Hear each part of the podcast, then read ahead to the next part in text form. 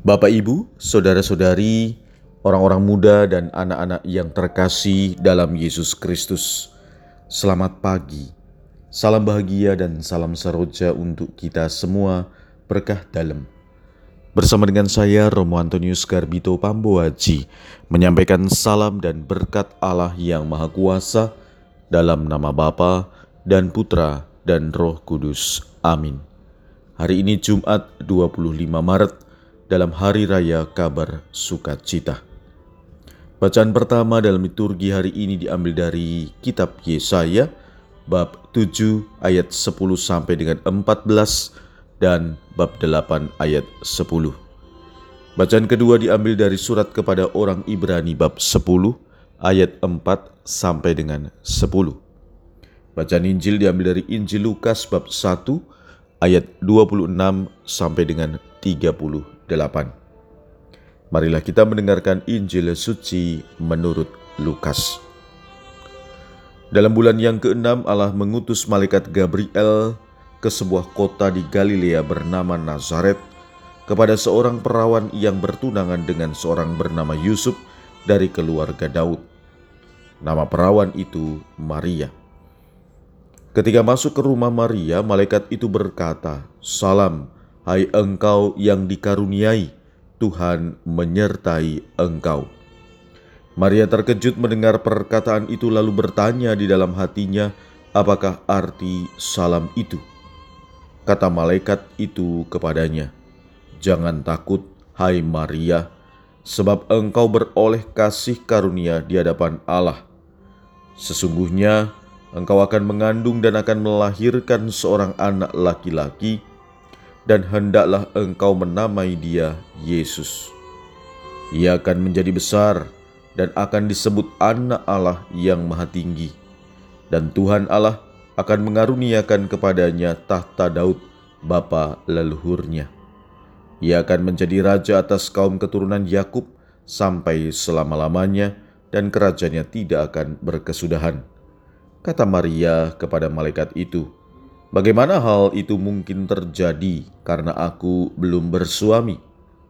Jawab malaikat itu kepadanya, Roh Kudus akan turun atasmu dan kuasa Allah yang maha tinggi akan menaungi engkau. Sebab itu anak yang akan kau lahirkan itu akan disebut kudus, anak Allah. Dan sesungguhnya Elizabeth sanakmu itu, ia pun sedang mengandung seorang anak laki-laki pada hari tuanya, dan inilah bulan yang keenam bagi dia yang disebut mandul itu. Sebab bagi Allah tidak ada yang mustahil. Maka kata Maria, Sesungguhnya aku ini adalah hamba Tuhan, terjadilah padaku menurut perkataanmu itu. Lalu malaikat itu meninggalkan dia. Demikianlah sabda Tuhan. Terpujilah Kristus. Saudara-saudari yang terkasih, hari ini gereja merayakan hari raya kabar sukacita. Pada hari raya kabar sukacita ini, kita sedang merayakan atau sedang menjalankan masa prapaskah. Apa yang bisa kita renungkan dari dua hal ini? Yang pertama, Maria kedatangan malaikat Gabriel Peristiwa ini menjadikan Maria penuh rahmat.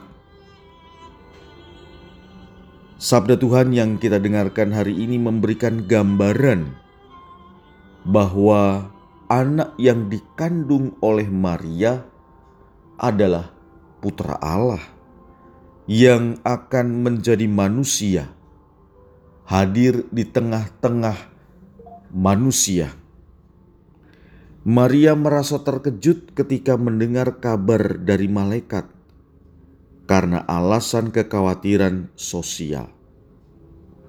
Dikatakan bahwa Maria belum bersuami. Oleh sebab itu, mengandung di luar nikah adalah suatu yang tidak terpandang dalam kalangan kebudayaan Yahudi. Penjelasan malaikat Gabriel mengenai anak yang dikandungnya dan berkat kuasa Roh Kudus yang menyertainya membuat Maria dengan berlandaskan imannya berani menerima tugas dan tanggung jawab itu yang melampaui kepentingan sosial dan pandangan orang. Kita tahu jawaban Maria Sesungguhnya aku ini adalah hamba Tuhan, jadilah padaku menurut perkataanmu. Adalah tanda bahwa Maria adalah pribadi yang rendah hati dan beriman. Dua hal ditunjukkan Maria dalam jawaban ini. Pertama, kerendahan hatinya di hadapan Tuhan menunjukkan kesediaan mengambil tanggung jawab apa pun konsekuensinya. Iman tidak bisa tanpa tanggung jawab. Iman tidak bisa hanya diungkapkan tanpa diwujudkan. Kedua, adalah penyerahan diri Maria secara total kepada Tuhan. Biarlah kehendaknya yang terjadi, bukan kehendakku atau kehendak orang lain. Rencana Tuhan mengalahkan rencana diri sendiri dan orang lain yang ada di sekitar. Bagi kita saat ini, jawaban ini sering kali dikenal sebagai fiat Maria. Fiat untuk mewujudkan rencana keselamatan Tuhan yang dirintisnya sejak manusia pertama jatuh dalam dosa. Dan fiat ini pun juga membuka rencana keselamatan Tuhan sampai pada zaman kita dan berlangsung terus sampai akhir zaman. Fiat Maria memulai pembaruan manusia dan dunia karena Putra Allah datang ke dunia untuk keselamatan. Dengan alasan ini, gereja patut merayakan apa yang disebut dengan Hari Raya Kabar Sukacita. Secara meriah, dengan harapan bahwa kita juga sebagai umat beriman merasakan fiat Maria dalam rencana keselamatan kita. Sebagai umat beriman, kita juga diajak untuk membuat fiat masing-masing sebagai rasa tanggung jawab kita sebagai orang beriman. Sekali lagi, iman tidak cukup hanya diucapkan, tetapi harus diwujudkan. Saudara-saudari yang terkasih, pada hari ini kita belajar dari Bunda Maria untuk menjadi pribadi yang berhati murni. Tuhan Yesus, kalau kita membaca Injil Matius bab 5 ayat 8 mengatakan, Berbahagialah orang yang murni hatinya, karena mereka akan melihat Allah.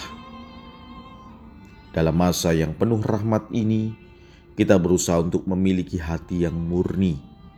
Kita belajar dari Bunda Maria menjadi pribadi yang taat kepada Allah. Ketaatan berasal dari kemampuan untuk mendengar dengan baik, sama seperti Maria, mendengar sabda dan mentaatinya. Demikian juga kita saat ini.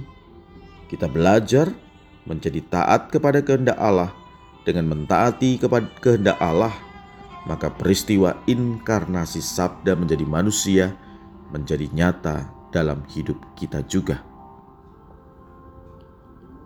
Saudara-saudari yang terkasih, sebagai murid Kristus, mari kita juga menanggapi panggilan Tuhan sebagaimana yang dilakukan oleh Maria.